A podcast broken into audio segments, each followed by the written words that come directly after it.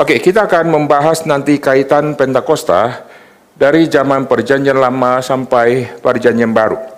Seluruh tema-tema penting yang dicatat di dalam Alkitab ini bukan mendadak keluar tanpa ada pengertian yang mendalam. Tuhan sengaja kasih tahu di masa awal, lalu nanti Tuhan jelaskan lebih detail lagi di masa yang akhir, khususnya di dalam Perjanjian Baru. Pentakosta bukan baru muncul di perjanjian baru. Istilahnya betul baru muncul di dalam perjanjian baru. Tetapi konsep makna dari Pentakosta sudah ada di dalam perjanjian lama. Di dalam perjanjian lama kita melihat istilah-istilah Pentakosta ini di dalam berapa istilah. Ini kita bicara istilah dulu ya. Karena Pentakosta nanti istilah itu baru muncul di dalam perjanjian baru. Istilah untuk Pentakosta ini disebut yang perjanjian lama yaitu hari raya tujuh minggu. Saya singkat aja ya, tujuh minggu. Nah ini nanti saudara bisa lihat di keluaran pasal 34 ayat 22. Lalu nanti ada di dalam ulangan 16 ayat ke-9. Ini whiteboardnya agak kecil ya. Jadi saudara lihat dengan iman susah. Oke, jadi sebutan pertama dia disebut hari raya tujuh minggu. Lalu dia juga disebut hari raya penuaian. Susah. Nah ini semua istilah sangat penting karena nanti akan bersifat teologis. Dia disebut hari raya penuaian atau nanti hari raya buah bungaran hari raya penuaian atau hari raya buah bungaran. Ini saya catat di dalam keluaran pasal ke-23 di ayat yang ke-16, lalu di kitab bilangan pasal 28 ayat ke-26. Oke. Lalu kalau saudara mau lihat lagi, nanti saudara bisa bandingkan. Ini kita tidak buka ayatnya ya, supaya kita irit waktu, karena nanti saya akan buat paralel dari semua ini ya. Keluaran pasal 34 lalu di ayat ke 22 juga ya. Ini buah bungaran.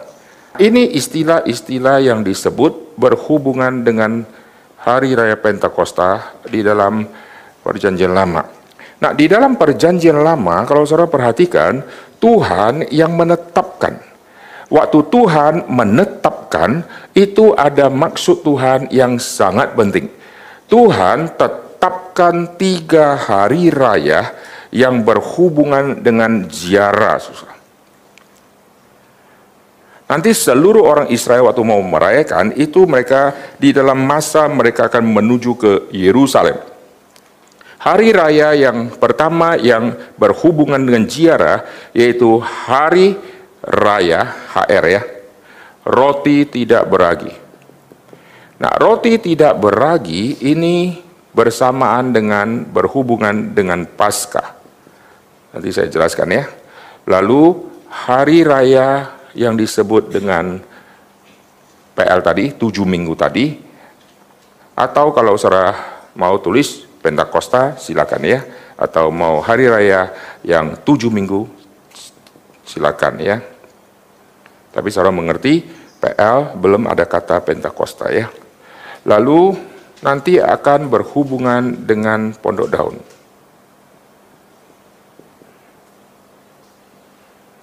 Oke, nah ini tiga hari raya yang sangat besar. Nah, seorang perhatikan semua hari raya-hari raya ini intinya bukan di pestanya. Intinya ada sesuatu di balik hari raya itu. Kenapa hari raya Paskah berdampingan dari hari raya roti tidak beragi? Jadi pasca terlebih dahulu, baru dilanjutkan hari raya roti tidak beragi. Orang Yahudi hitung waktunya begini ya, kita perlu mengetahui perhitungan waktu supaya kita tahu terjadi peralihan waktu, maka terjadi peralihan hari raya. Orang Yahudi menghitung hari perubahannya di jam 6 sore. Waktu Yesus mati, jam 3 sore Yesus mati, Sisa tiga jam lagi akan pergantian hari. Dan pergantian hari itu akan masuk ke hari sabat. Hari sabat itu adalah hari yang ketujuh. Bagi kita, hari ketujuh itu hari apa? Kita kan hitung hari pertama Senin ya. Senin, Selasa, Rabu, Kamis, Jumat, Sabtu, Minggu. Kita kalau sebut hari ketujuh itu Minggu. Orang Yahudi hari ketujuh itu Sabtu. Karena hari pertama mereka adalah hari Minggu. Jelas ya? Jadi Minggu, Senin, Selasa, Rabu, Kamis, Jumat, Sabtu. Jadi hari sabat mereka itu adalah hari Sabtu. Hari Sabtunya mereka itu adalah hari Jumatnya kita. Sekarang lihat. Yesus mati jam 3. Tiga jam kemudian akan peralihan hari. Peralihan harinya orang Yahudi masuk ke hari sabat itu adalah hari ketujuh, betul ya? Bisa ikutin? Orang Yahudi sabat kan hari ketujuh. Hari ketujuh mereka adalah Sabtu. Ini ya Yahudi punya ya. Oke.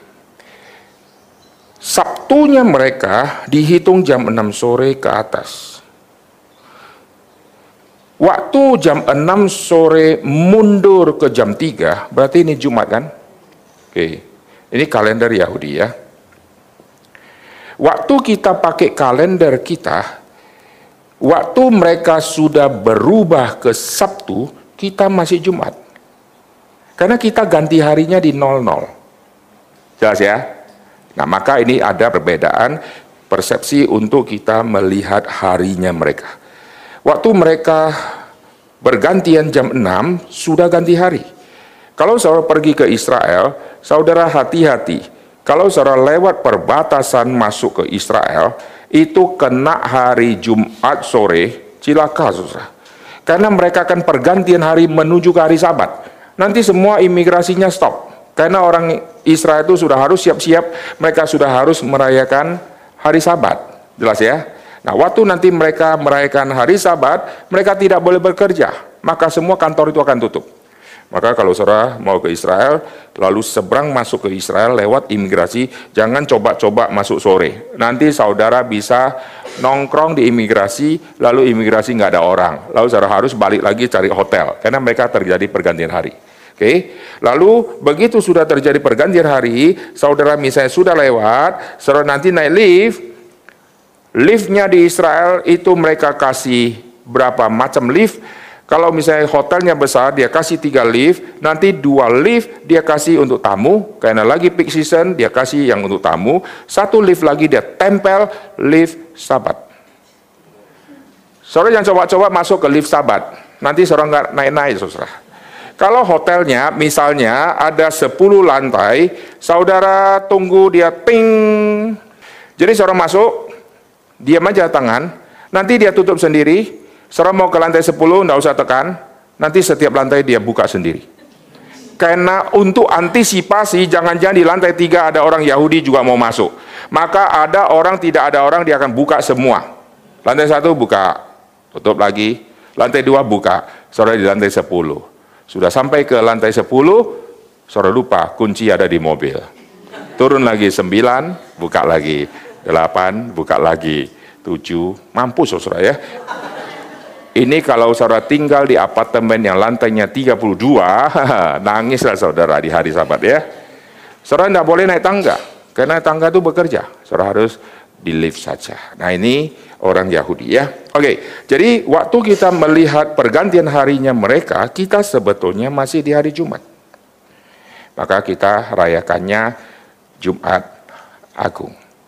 Jumat Agungnya kita ini dikaitkan dengan PL, ini adalah paskanya orang PL. Tapi paskanya kita ini beda dengan paskanya PL.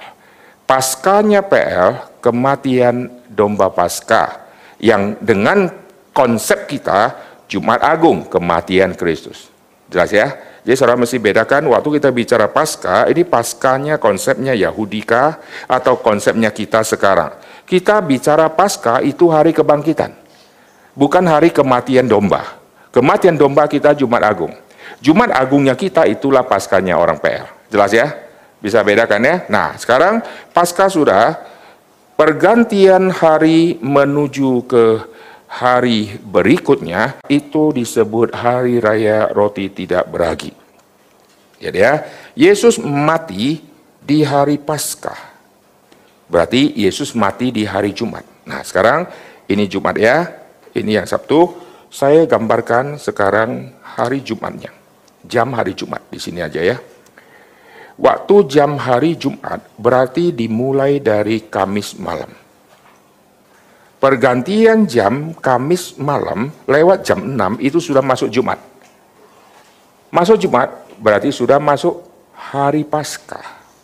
Nanti sampai jam 3 Yesus mati di hari Paskah senja. Jelas ya, bisa ikut ya. Jadi Paskah orang Yahudi sudah dimulai dari Kamis malam itu kalendernya kita kita masih Kamis. Mereka sudah rubah menjadi Jumat. Jelas ya? Bisa ikutin ya? Nah lalu waktu masuk di hari Paskah itu mereka semua sibuk-sibuk mempersiapkan korban. Karena korban itu hari itu akan dibunuh. Korban Paskah itu kan dikurung dari tanggal 10 sampai tanggal 14 Nisan Waktu dikurung dari tanggal 10 sampai 14 Nisan, di hari pasca 14 Nisan, itu sudah lewat hari Kamis sore jam 6, sudah masuk ke 14 Nisan. Itu hari pasca. Domba itu akan dipersiapkan untuk nanti sore akan dimatikan. Nah, karena domba pasca dibunuh di hari sore dan makannya di malam, berarti ganti hari kan? Waktu terjadi ganti hari, hari setelah Paskah, itulah hari raya roti tidak beragi. Jelas ya? Jadi waktu hari raya roti tidak beragi, itu disiapkan semuanya tidak di hari Sabtu. Karena sabat. Kalau baru disiapkan di Sabtu, tidak bisa. Mau kerja tidak boleh Mau buat adonan tidak boleh. Maka mereka siapkannya di hari Jumat itu. Mereka siapkan di hari Paskah. Maka kalau saudara baca perjanjian baru, saudara akan melihat terjadi pertukaran antara kata Paskah dan hari raya roti tidak beragi. Karena itu dilakukan persiapannya bersama-sama. Di hari Paskah, domba Paskah harus disiapkan akan dibunuh. Di hari Paskah itu roti tidak beragi juga harus disiapkan. Karena kalau tidak, sudah masuk sabat tidak boleh kerjakan apa-apa lagi. Nanti daging Paskah, domba Paskah akan dimakan di malam. Lalu roti tidak beragi akan dirayakan di malamnya. Jadi gabung di situ. Nah, Paskah bicara dombanya untuk dibunuh, dagingnya dikonsumsi. Maka Yesus nanti berkata, makanlah dagingku. Kenapa Yesus berani berkata makan dagingku? Karena dagingnya, tubuhnya, dirinya adalah domba pasca yang akan dibunuh nanti. Jelas ya? Jadi sebelum Yesus dibunuh, Yesus melakukan satu simbolis makan tubuhku. Makan tubuhnya Yesus itu pasti bukan tubuh Yesus yang asli karena Yesus belum mati. Habis dia lakukan perjamuan malam, baru dia ke Taman Getsemani. Badan belum luka, nanti baru ditangkap, baru disisa-sisa-sisa, baru nanti digantung. Jadi kalau kita berkata inilah tubuh Tuhan Yesus yang asli, inilah darah Tuhan yang asli, hari itu malam itu Yesus belum alirkan darah itu hanya simbolis untuk mengingatkan kepada mereka karena Yesus tidak bisa lagi mengingatkan mereka. Kalau tunggu sampai Yesus mati, Yesus kasih tahu dagingku lah yang kau harus makan. Yesus sudah dikubur, tidak bisa. Waktu Yesus sudah disalib, murid-murid semua kabur. Maka kesempatan semua murid ngumpul cuma di malam terakhir itu. Maka Yesus berkata, inilah tubuhku yang kupecahkan bagimu. Untuk apa? Untuk menafsirkan seluruh hari raya roti tidak beragi yang ada di PL. Seluruh hari raya roti tidak beragi di PL itu mereka rayakan dengan makan roti tidak beragi dan sayur pahit untuk mengingat betapa pahitnya dan penderitaan selama mereka ada di perbudak di Mesir. Sekarang Yesus jelaskan hari raya tidak beragi ini menjadi untuk mengingat diri Yesus yang adalah daging, tubuh, roti yang tidak beragi. Kau makan roti tidak beragi, itu buatan tanganmu. Tapi daging Yesus ini, tubuh Yesus yang dipecahkan, inilah tubuh yang tidak beragi, tubuh yang sempurna, tubuh yang tidak ada dosa dan kecemaran. Kau harus makan dan mengingat akan aku. Nah, itu daging domba Paskah harus dimakan. Maka Yesus berkata, inilah tubuhku, inilah dagingku Yesus waktu pecahkan roti, inilah tubuhku. Ada roti untuk menggenapkan roti tidak beragi. Domba Paskah punya daging harus dimakan. Maka Yesus berkata, inilah dagingku. Tetapi ada satu lagi tema yang penting, darah harus dicurahkan. Darah bukan untuk dikonsumsi. Tapi Yesus berkata, minumlah darahku. Nah ini semua tema-tema baru Yesus menggenapkan seluruh bayang-bayang PL tentang dirinya melalui hari raya yang besar ini yaitu Paskah yang berhubungan dengan hari raya roti tidak beragi. Nanti kalau saudara mau lihat tema Paskah, saya sudah bahas, saya sudah upload di YouTube. Paskah PL dan Paskah PB. Di situ saya bahas detail semua tema tentang Paskah. Jadi Yesus melakukan satu tradisi yang baru. Yesus mau menyatakan darahnya, tubuhnya adalah betul-betul makanan dan minuman. Tanpa melalui itu, kau tidak mungkin diselamatkan. Oke, okay? kita tidak bahas panjang lebar karena tema kita bukan roti tidak beragi dan paskah. Paskah, roti tidak beragi, pusatnya adalah Kristus. Jelas ya? Sekarang hari raya tujuh minggu tadi, ini adalah hari raya panen. Hari raya di mana orang akan diutus ke ladang untuk memanen semua hasil panenan. Jadi hari raya tujuh minggu adalah hari raya yang sangat sibuk.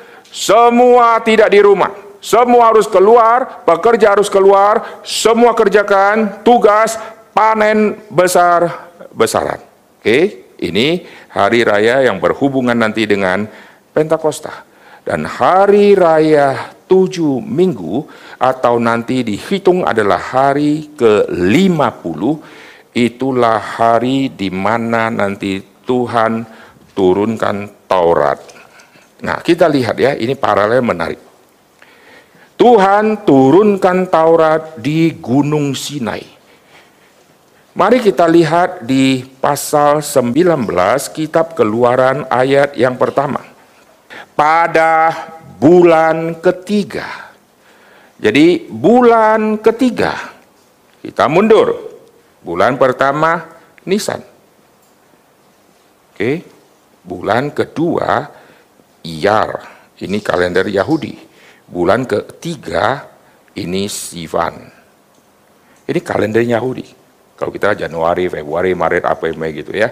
Mereka ada Nisan, ada Iyar, ada Sivan dan seterusnya. Nanti bulan ketujuh ada Tisri dan lain-lain. Oke, lihat di sini. Pada bulan ketiga Sivan. Nah nanti orang Yahudi rayakan hari tujuh minggu ini yang berhubungan dengan Pentakosta itu, itu mereka rayakan di tanggal kira-kira tanggal 6 Ziwan. Oke, nah sekarang kita lihat ya. Waktu hari raya Paskah, orang Yahudi disuruh Tuhan untuk makan daging Paskah, kau harus siap-siap karena nanti kau akan keluar dari Mesir. Nisan total harinya adalah 30 hari.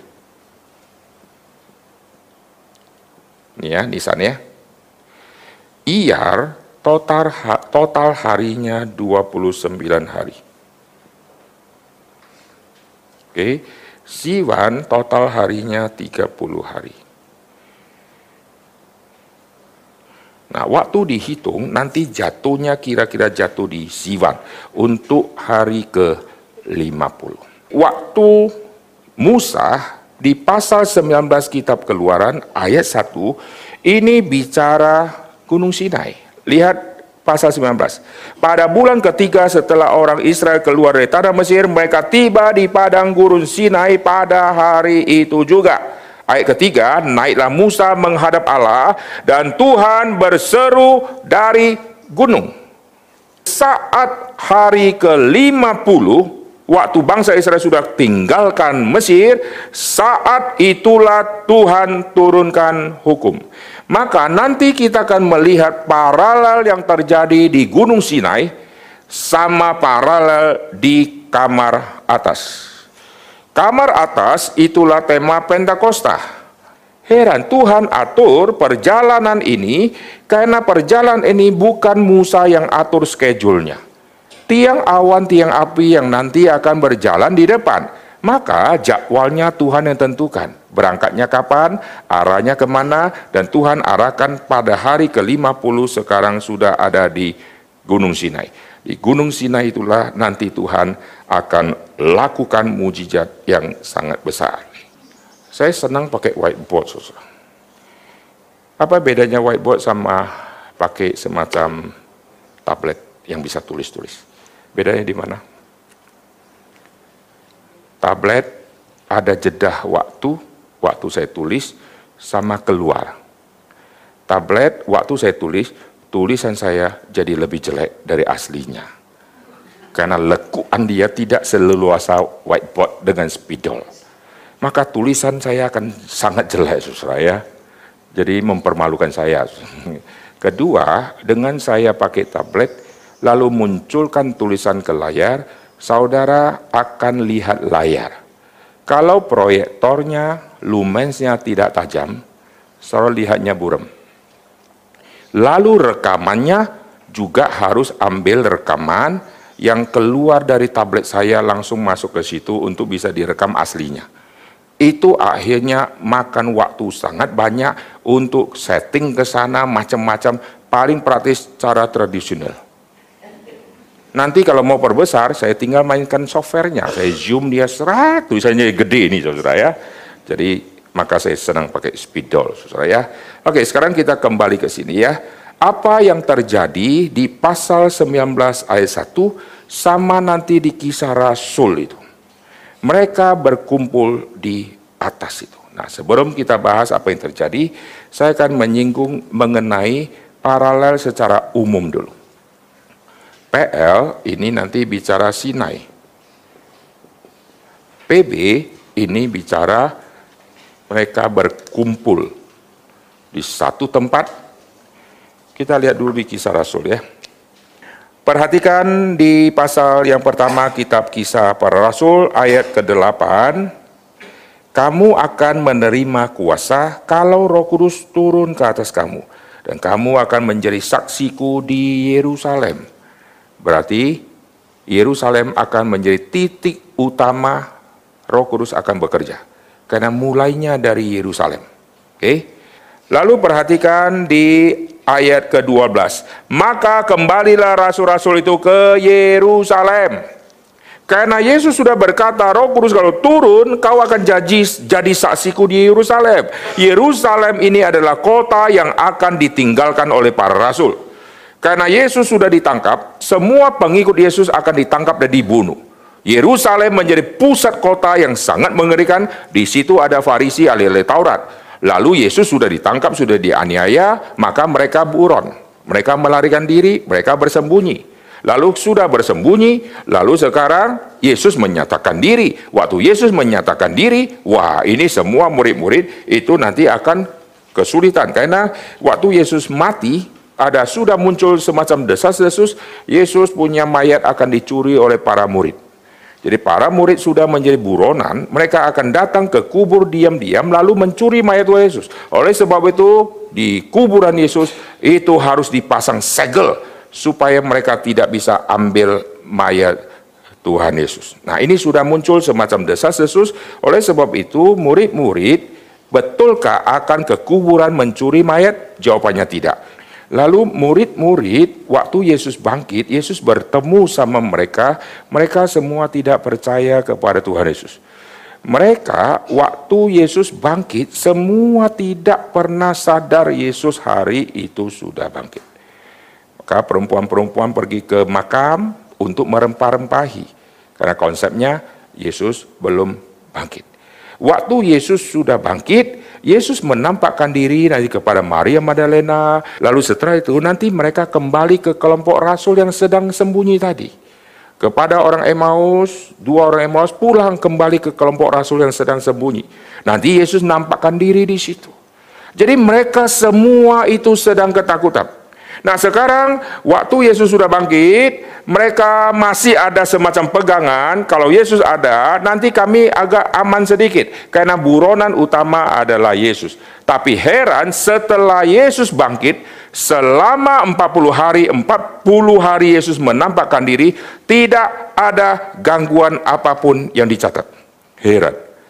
Sebelum Yesus mati, itu masa akhir Yesus sebelum tinggalkan dunia, ini gangguan banyaknya luar biasa. Kenapa? Karena domba akan dikurung 10 sampai 14 nisan untuk menyatakan dirinya bercacat atau tidak. Maka tanggal 10 sampai 14 nisan Yesus akan dikerjain habis-habisan supaya Yesus keluarkan kalimat yang salah, kalimat yang marah, lalu ada dosa keluar dari mulut Tuhan Yesus.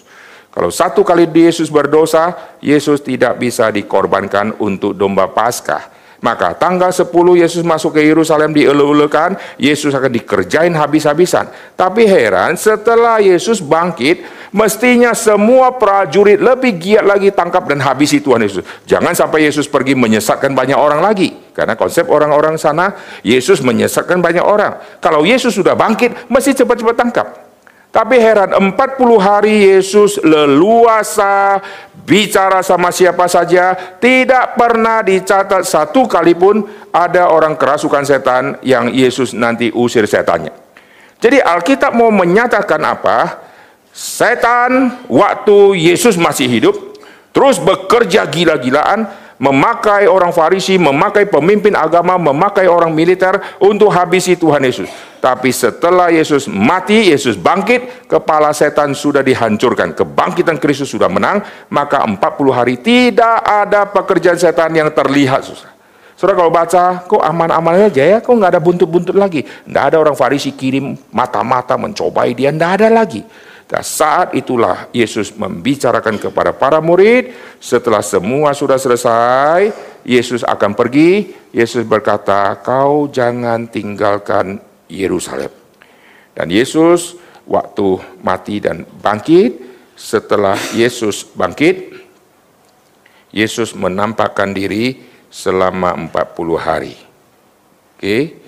Setelah itu Yesus naik ke sorga tunggu 10 hari, lalu roh kudus turun. 40 plus 10 inilah angka 50. Dan angka 50 itulah hari itulah hari turunnya roh kudus. Dan hari turunnya roh kudus jatuh di hari minggu. Saudara lihat ya, ini hari minggu menjadi hari kunci untuk orang Kristen. Saya jelaskan latar belakang dulu, baru nanti kita waktu bandingkan saudara lebih jelas ya. Jadi hari ke-50 di sini, ini jatuhnya di hari Minggu.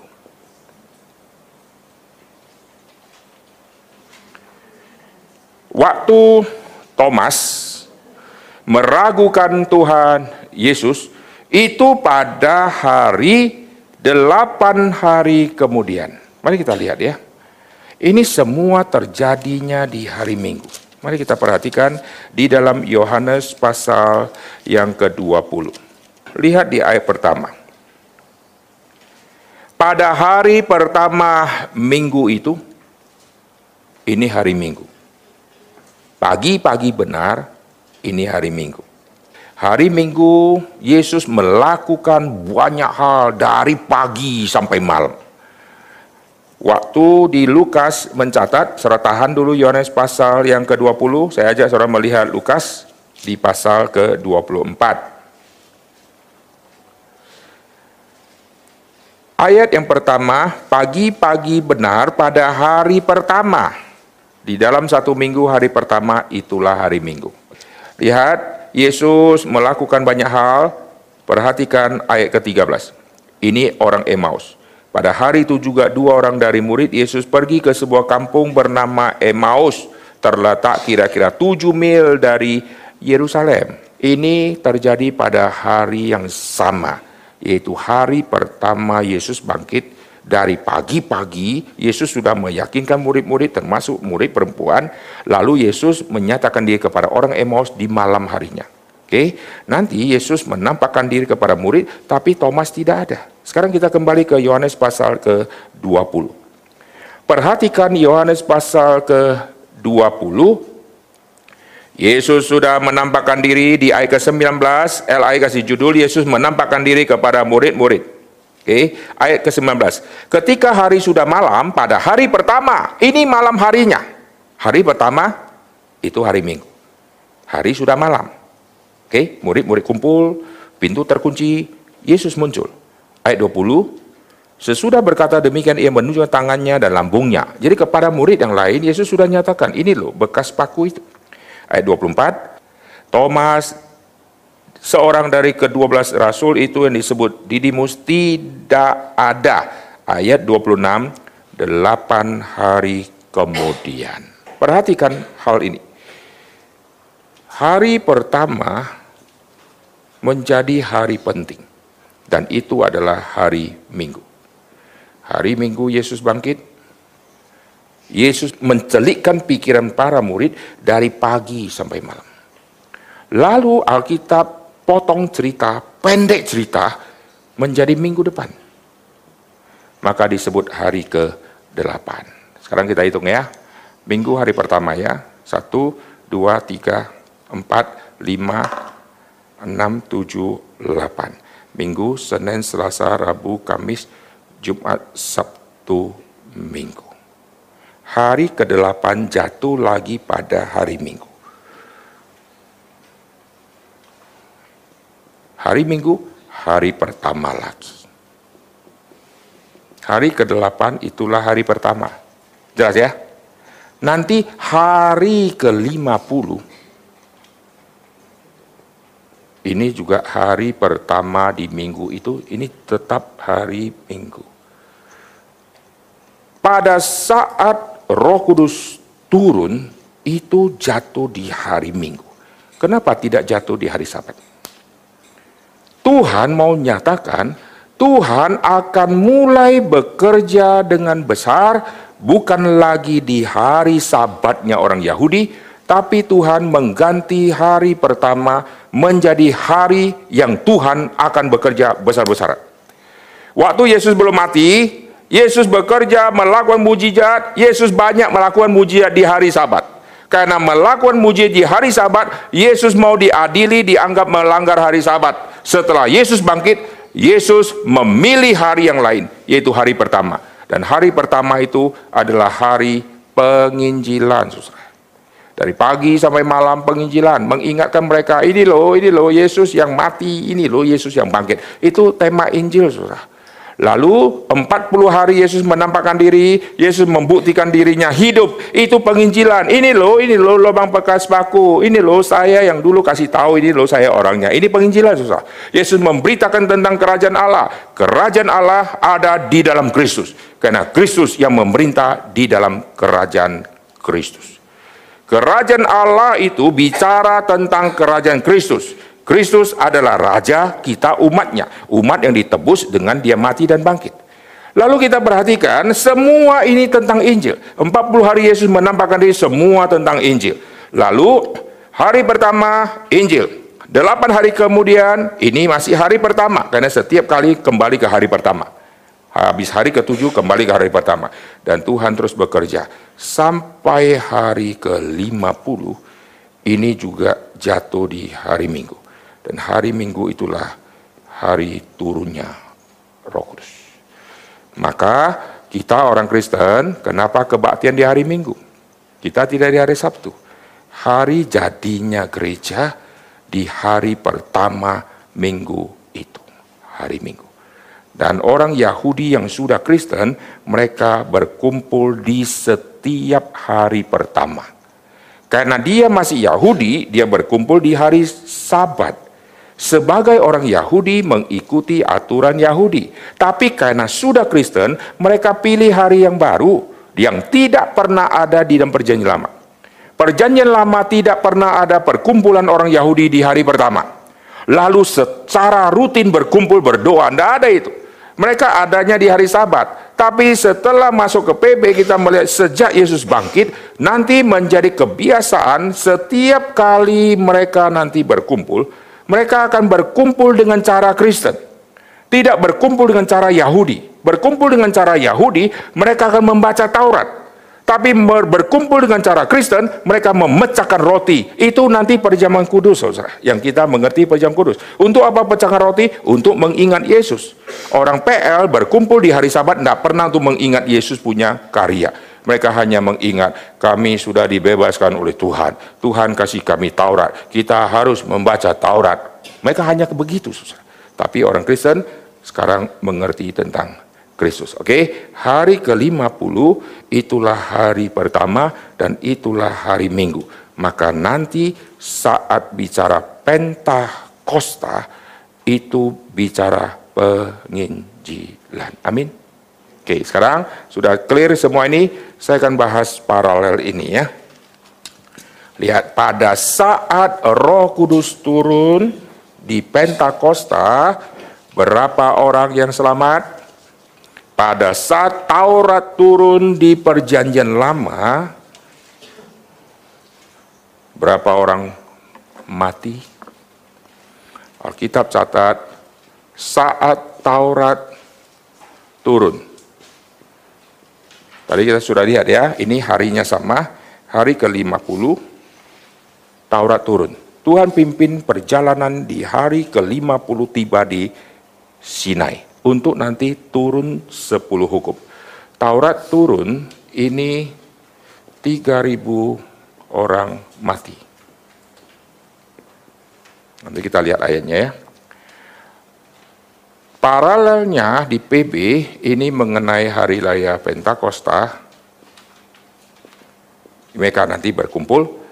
Waktu Roh Kudus turun, Roh Kudus saya singkat RK aja ya Roh Kudus turun, ini 3000 selamat.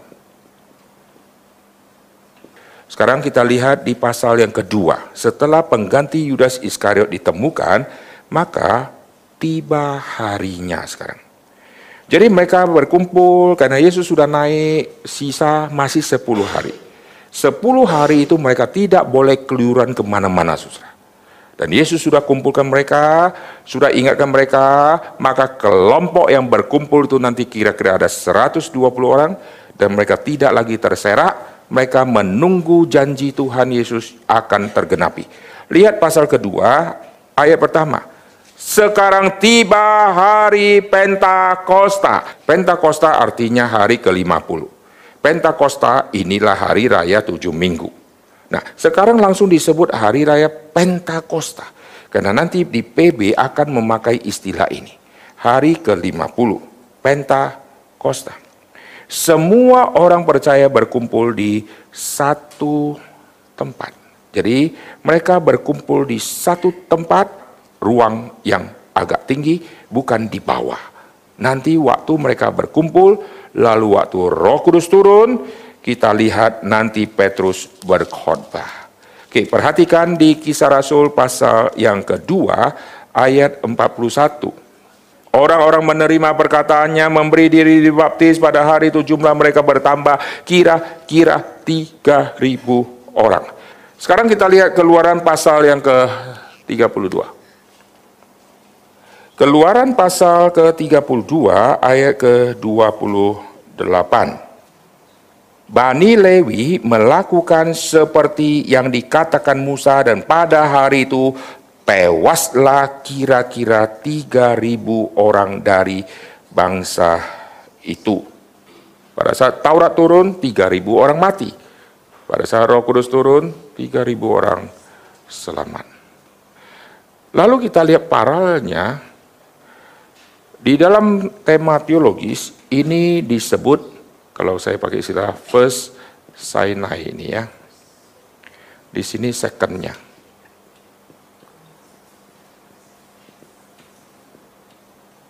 Kenapa memakai first dan second ini? Kenapa dihubungkan dengan Sinai ini? Karena di Sinai itu nanti akan terjadi sesuatu fenomena yang terjadi juga di Pentakosta di Perjanjian Baru.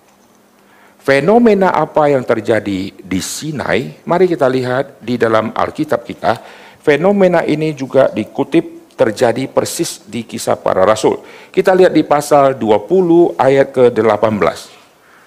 Perhatikan keluaran pasal 20 ayat ke-18, di sini kita melihat ada fenomena yang terjadi.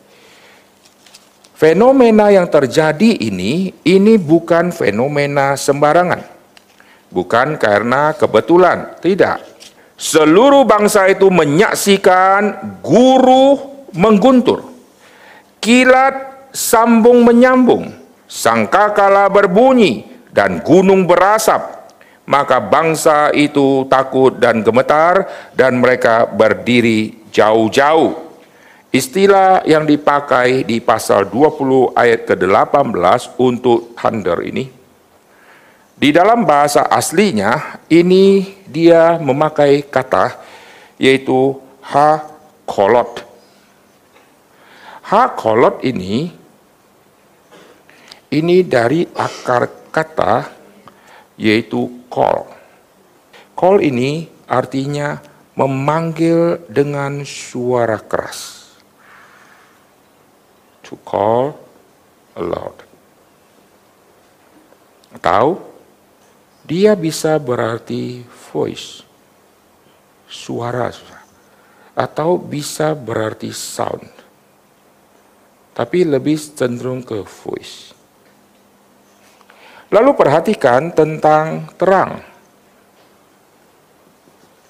Ada kilat, lightning. Ini memakai bahasa asli saya tidak tulis bahasa aslinya ya supaya cepat. Ini bicara tentang tushen.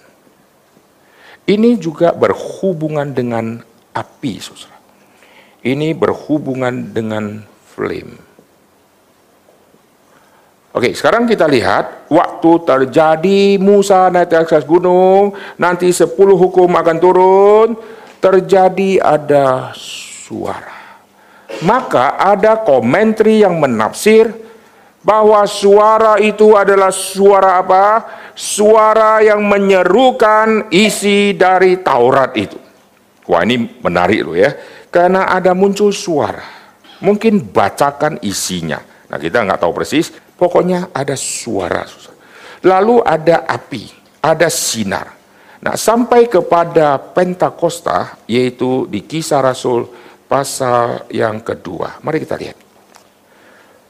Tiba-tiba ayat kedua ya, tiba-tiba turunlah dari langit suatu bunyi. Oke, ada bunyi.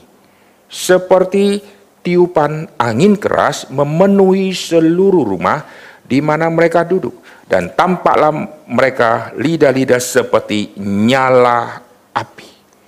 Jadi ada bunyi, lalu ada api, nanti ada suara yang muncul yaitu khotbah Petrus. Waktu terjadi suara yang muncul khotbah Petrus, maka kita melihat Petrus bersuara, berkhotbah, membicarakan tentang isi dari perjanjian lama. Jadi ya, isi dari PL. Isi dari PL isinya apa? Isinya adalah tentang Kristus.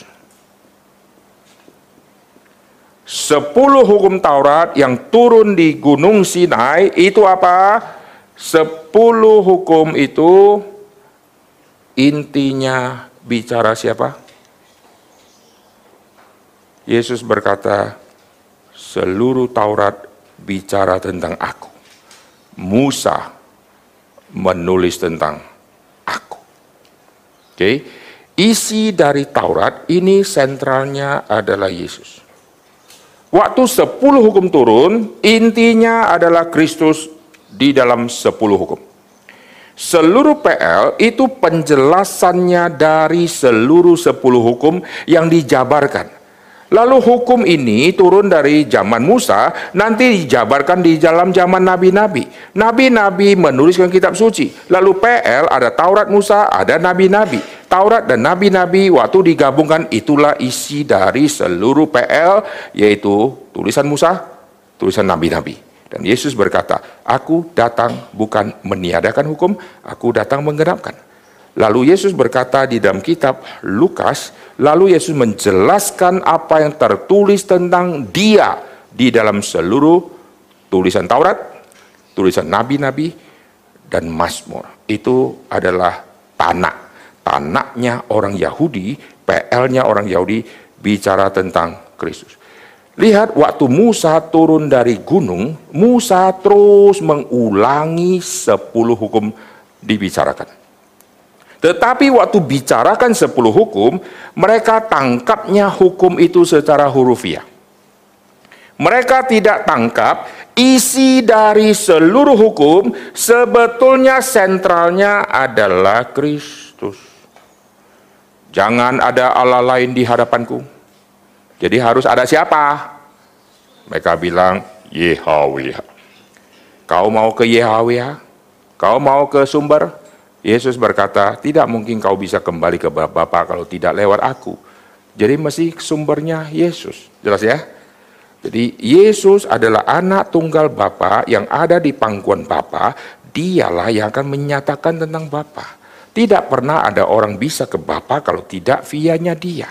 Jadi waktu jangan ada Allah lain di hadapanku, itu bicara tentang Kristus yang harus jadi sumbernya.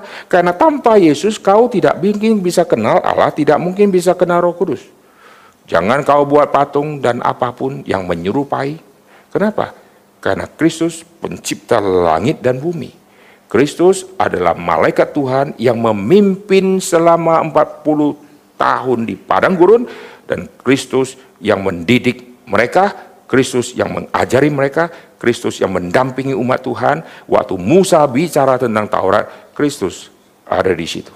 Dan Musa meninggikan Kristus waktu dia bicarakan Taurat kepada seluruh orang Israel di padang gurun. Jadi kunci dari semua hukum yang turun ini adalah Kristus. Karena nanti Yesus yang bisa menggenapkan semua, bisa mentuntaskan semua tuntutan hukum Taurat. Jadi untuk melakukan hukum Taurat mesti kembali kepada yang berhasil, yaitu Kristus yang akan menjadi pusat, Kristus yang akan berhasil itu. Tapi mereka tidak mau lewat Kristus, mereka nanti lewat rabi-rabi. Rabi-rabi Yahudi mengajarkan mereka semua ikut rabi-rabi, lalu mereka pegang Musa, wah pokoknya kami Musa. Mereka pegang Abraham, pada Abraham hidup belum ada Taurat. Mereka kehilangan pusatnya. Lihat di kisah Rasul pasal kedua, Petrus waktu sudah di Pentakosta itu, dia berdiri, dia mentafsirkan PL, dan dia kutip PL, lalu sentralnya semua Kristus. Mari kita lihat kisah Rasul pasal yang kedua. Perhatikan kisah Rasul pasal yang kedua. Ayat ke-16, waktu dia bicara tentang turunnya roh kudus di dalam nubuatan Nabi Yoel, lalu perhatikan Ayat ke-22, hai orang Israel dengarkan perkataan ini. Setelah dia bicara inti dari Yoel, nubuat tentang roh kudus akan turun, dia buat kesimpulan. Waktu aku kutip Nabi Yoel, yang aku maksudkan, lihat di sini. Hai orang Israel dengarkan perkataan ini, yang aku maksudkan. Jadi turunnya roh kudus, pusatnya bukan di roh kudusnya tetapi di Kristusnya. Saya ulangi. Hari turunnya Roh Kudus, pusatnya bukan di, Roh Kudus. Yesus mengatakan, Roh Kudus kalau datang, dia tidak pernah memuliakan diri sendiri. Roh Kudus kalau datang, dia akan memuliakan aku. Jadi waktu Roh Kudus datang sebagai hari jadinya gereja itu bukan karena Roh Kudusnya yang ditinggikan, tetapi kalimat Kristus nubuatan tentang aku akan mendirikan gerejaku itu terjadi. Yesus sudah ngomong bahwa aku akan dirikan gerejaku. Ku itu Yesus. Pusat gereja adalah Kristus. Amin. Tanpa melalui Kristus, kita tidak akan kenal roh kudus. Karena Yesus yang mengutus roh kudus. Aku akan pergi, aku akan minta Bapa utus dia. Dan Yesus berkata, aku akan mengutus dia. Jadi Bapa utus roh kudus, Yesus utus roh kudus. Kita mau tahu Roh Kudus, siapa yang ajarkan doktrin Roh Kudus secara sistematis? Yang pertama ajarkan adalah Yesus. Itulah di Yohanes pasal 14, pasal 15 tentang pokok anggur, lalu pasal 16 lanjut lagi tema Roh Kudus dan semua tema Roh Kudus Yesus bicara di malam terakhir. Ini adalah wasiat iman. Seorang pemimpin waktu mau mati, seorang ayah waktu mau mati, kumpulkan semua anak-anak. Saat itulah dia bicara wasiat-wasiat. Yesus tidak turunkan harta benda, tapi Yesus turunkan semua wasiat pelayanan, wasiat penyertaan dari Allah Roh Kudus. Maka di malam terakhir, Yesus nanti cuci kaki murid-muridnya. Itu wasiat pelayan yang sejati bagaimana di malam terakhir, Yesus melayani para murid. Yesus jelaskan tentang roti yang dipecahkan. Di malam terakhir, Yesus bicara tentang Roh Kudus kalau datang, dia punya kerjaannya itu apa. Hanya Yesus yang jelaskan sebagai orang pertama yang membahas doktrin Roh Kudus secara sistematis. Nanti saudara lihat di YouTube, saudara tulis PDT Aiter, buka Roh Kudus dalam PL dan PB. Saya sudah bahas panjang lebar tentang Roh Kudus ini. Roh Kudus datang di hari Pentakosta, bukan Roh Kudusnya yang ditinggikan. Saudara kalau lihat, waktu Petrus kutip Yoel, bahwa nanti akan tiba saatnya Roh Kudus akan dicurahkan. Oh, berarti Roh Kudus yang ditinggikan. Langsung Petrus simpulkan, yang aku maksudkan, lu jangan salah tafsir dulu, yang aku maksudkan itu apa? Itu bukan roh kudus yang pentingnya, tetapi pusatnya adalah Yesus.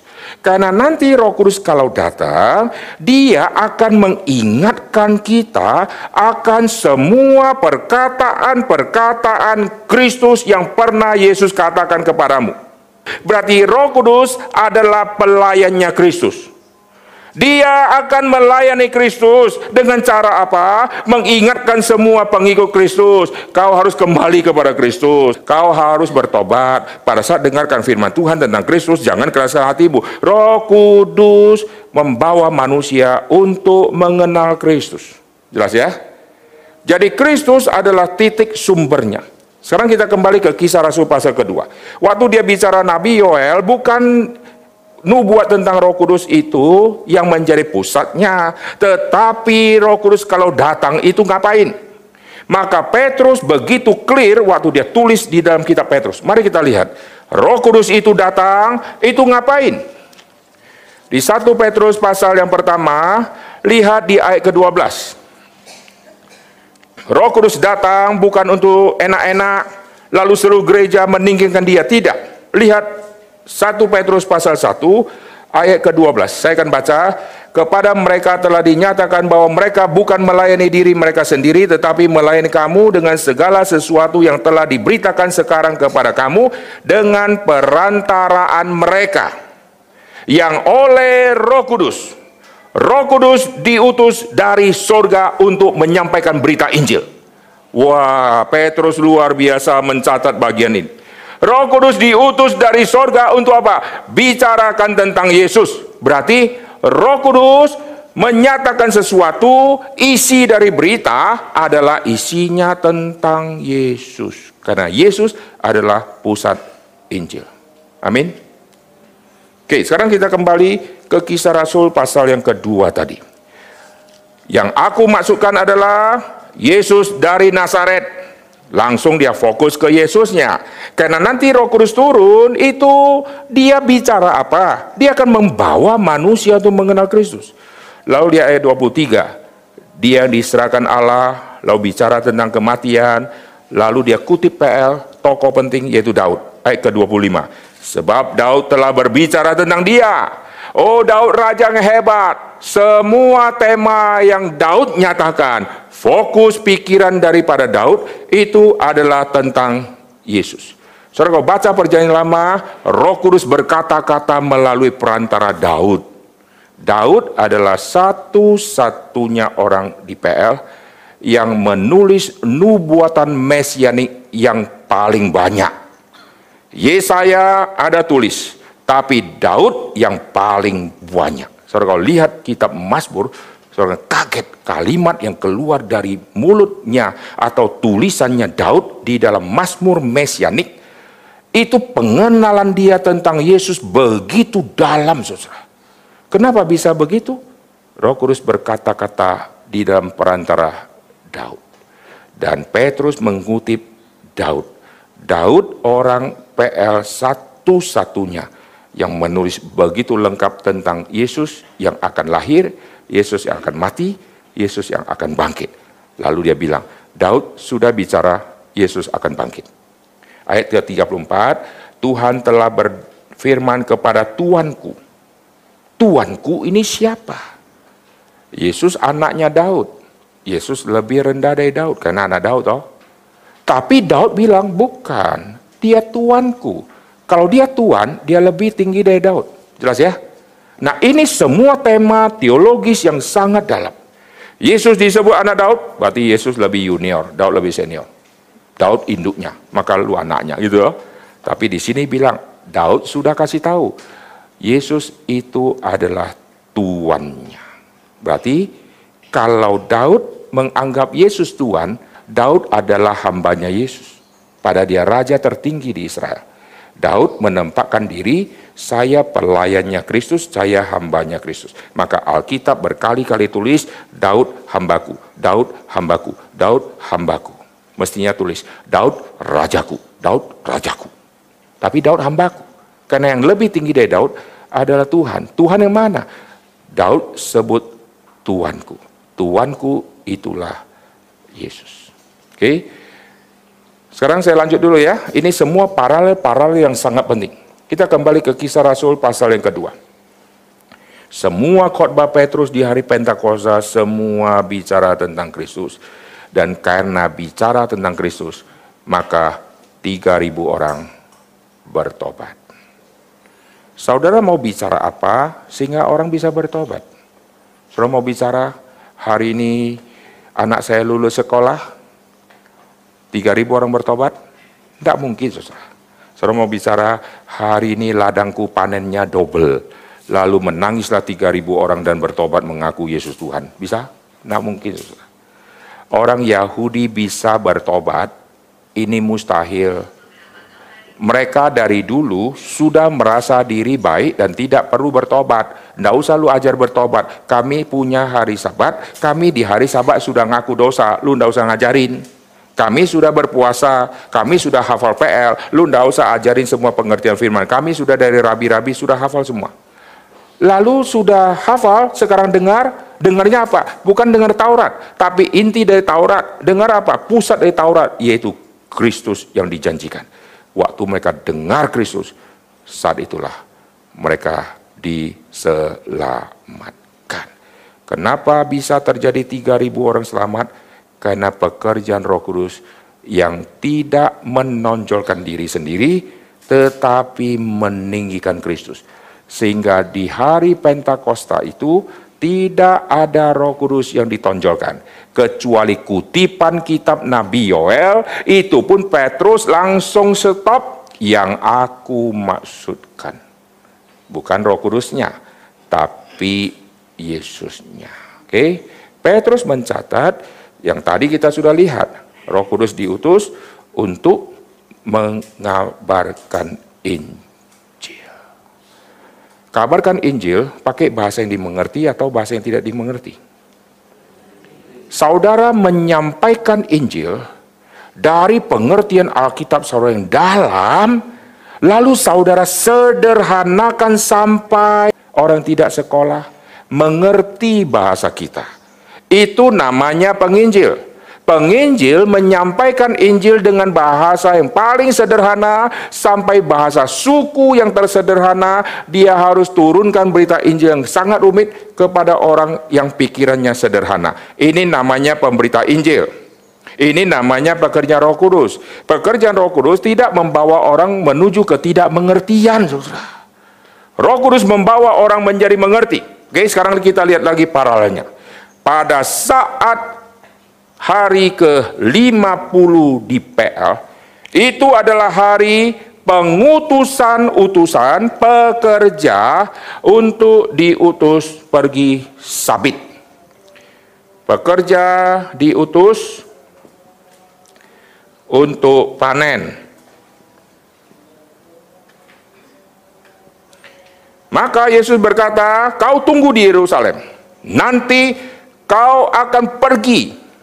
Pekerja, lu ndak boleh di rumah. Lu kunci pintu di rumah lu salah. Hari ke-50 itu puncak dari panen-panennya. Kau harus pergi. Hei Rasul, lu jangan kunci pintu. Sekarang mau Pentakosta. Nanti waktu Pentakosta, Roh Kudus kalau turun, lu ndak boleh kamar. Kau akan pergi dari Yerusalem sampai ke ujung bumi. Kenapa? Karena ladang sudah menguning, kau pekerja yang diutus untuk memanen. Nangkap maksudnya? Jadi pada saat PL, pekerja diutus untuk panen, panen ladang. Hasil bumi. Pada saat Pentakosta, itu murid-murid Yesus, lalu rasul-rasul, mereka diutus. Tidak ada yang terkecuali. Untuk apa? Untuk pergi panen. Maka mereka sekarang berangkat, berangkat, berangkat. Wah menarik ya. Ini semua paralel saudara. Lalu perhatikan di hari ke-50 yang PL, ini adalah hari yang dikaitkan dengan first fruit. Ini hasil panen yang pertama, yang yang pertama ya, first. Dari semua sabitan pertama. Dari semua yang pertama kau dapat. Nah, ada orang-orang di pedalaman, mereka itu begitu hurufiah mengerti Alkitab ya. Tapi luar biasa ya. Setiap kali mereka tanam padi, waktu panen, setiap bidang tempat padi tumbuh, sabitan pertama mereka sisihkan. Kalau berapa hektar dia punya, lalu dibagi menjadi berapa bidang, kan biasa gini kan, sawah kan begini kan, kayak pagar gitu kan. Nah ini bidang pertama, kedua. Setiap bidang panen dia sisihkan-sisihkan. Maka kalau dia ada satu sawah besar, total ada 35 bidang, maka ada 35 sayatan pertama. Dan itu dia bawa ke gereja. Dia taruh di depan mimbar. Wah, saya pernah lihat, saya terharu luar biasa. Ada orang tanam singkong di belakang rumah. Panen pertama, dia ambil satu pohon singkong, dia pilih yang paling besar, paling bagus. Waktu dia angkat keluar, wah singkongnya gede-gede. Dan itu semua dia rapikan, dia bersihkan, dia ikat, dia bawa ke gereja. Kita bingung-bingung, emangnya Tuhan makan singkong? Tidak, ini semacam ucapan syukur panen yang pertama. Wah luar biasa ya, dia bawa. Oke, jadi di PL ini panen yang pertama. Ini dipersembahkan kepada Tuhan. Di hari Pentakosta, panen pertama terjadi yaitu utusan-utusan orang-orang dari negara-negara itulah buah sulung panen pertama yang dihasilkan. Mari kita lihat diam kisah Rasul pasal yang kedua. Jadi panennya, buah sulungnya bukan sabitan pertama lagi. Tetapi ini bicara perwakilan dari semua bangsa-bangsa. Sabitan pertama, inilah perwakilannya. Mereka adalah orang yang dipersembahkan untuk Tuhan. Lihat di kisah Rasul pasal yang kedua. Di kisah Rasul pasal kedua ayat kelima. Waktu itu di Yerusalem diam orang-orang Yahudi yang saleh di segala bangsa di bawah kolong langit. Ketika turun bunyi itu, lalu orang-orang bingung, mereka tercengang-cengang. Bukankah mereka semua berkata-kata, itu orang Galilea? Bagaimana mungkin kita masing-masing mendengar ber, mereka berkata-kata dalam bahasa kita sendiri, yakni bahasa yang kita pakai di mana? Coba lihat, Partia. Eh, kalau saya pakai istilah ada ladang namanya Partia, gitu ya. Media, ada ladang namanya media, ada Elam.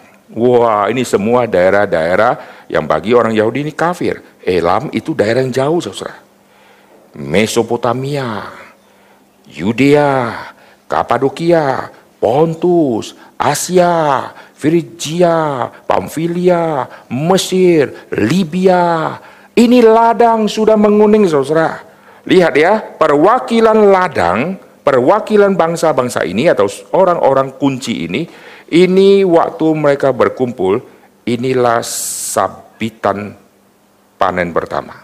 Oke, lihat mereka ini siapa? Mereka ini berkumpul gitu ya. Kami ini mereka pendatang, baik orang Yahudi maupun penganut agama Yahudi, orang Kreta, orang Arab. Kita mendengar mereka berkata-kata dalam bahasa kita sendiri. Berarti Petrus berkhotbah dalam bahasa Galilea, bahasa Yahudi, orang Arab dengarnya dalam bahasa Arab. Itulah mujizat Pentakosta. Mujizat Pentakosta, Roh Kudus membuat berita firman menjadi bisa dimengerti oleh semua kuping-kuping yang tidak mungkin bisa mengerti karena beda bahasa ibu. Ini mujizat Pentakosta yang ajaib sekali. Kami orang Arab dengarnya hanya bisa Arab, kecuali ada satu orang perterjemah. Tapi kami tidak pernah tahu ada datang ke sini untuk dengar khotbah. Maka kami tidak bawa penerjemah. Kalau orang Elam sudah siap mau dengar khotbah, dia bawa penerjemah yang bisa ngerti bahasa Petrus, bisa ngerti bahasanya Elam sehingga bisa terjemahin. Lalu semua perwakilan bawa penerjemahnya. Tidak, susah. Mereka datang bukan dengar Injil, tapi hari itu mereka melihat itu terjadi fenomena yang begitu mengerikan, bagi mereka mengerikan. Kenapa bisa jadi begini? Ada apa? Seluruh bangsa tidak pernah terjadi kayak begini. Satu orang bicara dengan satu bahasa, yaitu bahasa Galilea, lalu keluarnya didengar oleh semua orang berbahasa yang ibunya lain-lain, tapi mereka bisa ngerti bahasa Arab, ngerti khotbah Petrus, jadi bisa bahasa Arab, saudara. Itu yang membuat perubahan itu apa? Itulah pekerjaan Roh Kudus. Saya kasih contoh sederhana. Waktu Petrus berkhotbah, lalu ada orang bertobat. Lalu kita bilang, tidak mungkin. Siapa yang bilang tidak mungkin? Sekarang contoh ya. Kita baca satu ayat Alkitab. Bagi kita biasa. Tapi waktu kita baca, orang itu nangis-nangis, saudara. Kok bisa? Saya baca, saya sendiri air mata kering. Kok dia nangis sampai ingus keluar-keluar? Ada apa itu? Waktu kita tanya, kenapa ibu kok nangis sampai begitu? Iya, waktu saya dengar kalimat Yesus mati bagiku. Saya sadar dosaku besar. Loh, kok bisa tahu dosamu besar dari mana? Itu roh kudus bekerja dia mati. Karena Yesus berkata, roh kudus kau datang, dia akan menginsafkan kamu dari semua dosa-dosamu. Jadi waktu kita baca satu kalimat, Roh Kudus mentaksirkan arti yang sesungguhnya sehingga orang itu mengerti. Saudara. Waktu saya khotbah, setiap orang kan beda-beda. Ada anak SD, SMP, SMA, di kebaktian umum, ada nenek-nenek, ada kakek-kakek. Semua pengertian mereka beda-beda, beda-beda level. Tapi waktu kita khotbah, nanti yang level SD nangkap. Yang level SMP nangkap, yang level nenek-nenek nangkap. Itu yang buat nangkap siapa? Bukan kehebatan saya, tapi Roh Kudus bekerja diam-diam untuk anak kecil. Roh Kudus jelaskan, maksudnya begini-begini. Untuk yang nenek-nenek, dia tangkap poin ini, nenek ini. Maka waktu pulang, semua dapat berkat. Kalau suruh saya belajar pakai bahasa nenek-nenek, waktu saya pakai bahasa nenek-nenek, anak kecil bingung, saudara. Waktu saya pakai gaya anak kecil, jemaat umum bilang, ini pendeta kok jadi kanak-kanak.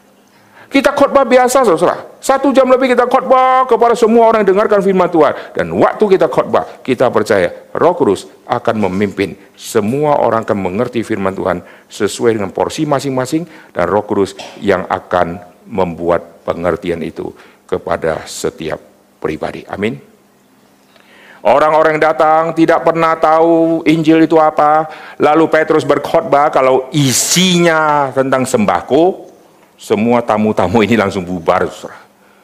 Isinya tentang kemarin ayah saya sakit lalu sekarang sembuh. Semua orang bilang itu kalau sembuh kampungku juga banyak dukun-dukun bisa. Tapi isinya tentang Yesus yang mati, Yesus yang bangkit. Lalu mereka waktu sudah dengar, lalu perhatikan apa yang terjadi. Mereka semua tercengang-cengang. Maka ada komentari yang mencatat inilah pertama kali penyebaran Injil ke seluruh dunia. Karena perwakilan-perwakilan itu sudah dengar Injil.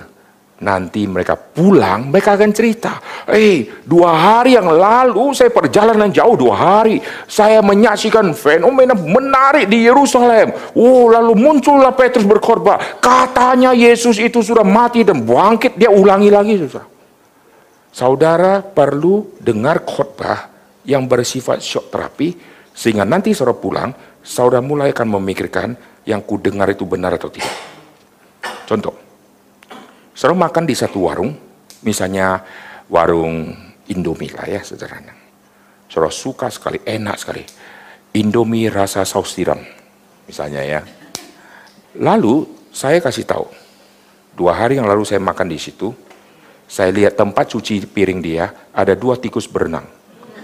Ternyata tikus itu ada piaraan dari si tukang jualan. Ternyata tikusnya berenang di situ loh, piring dicuci. Itu tikus kesayang dia. Lalu saudara bilang sinting, ini mengfitnah.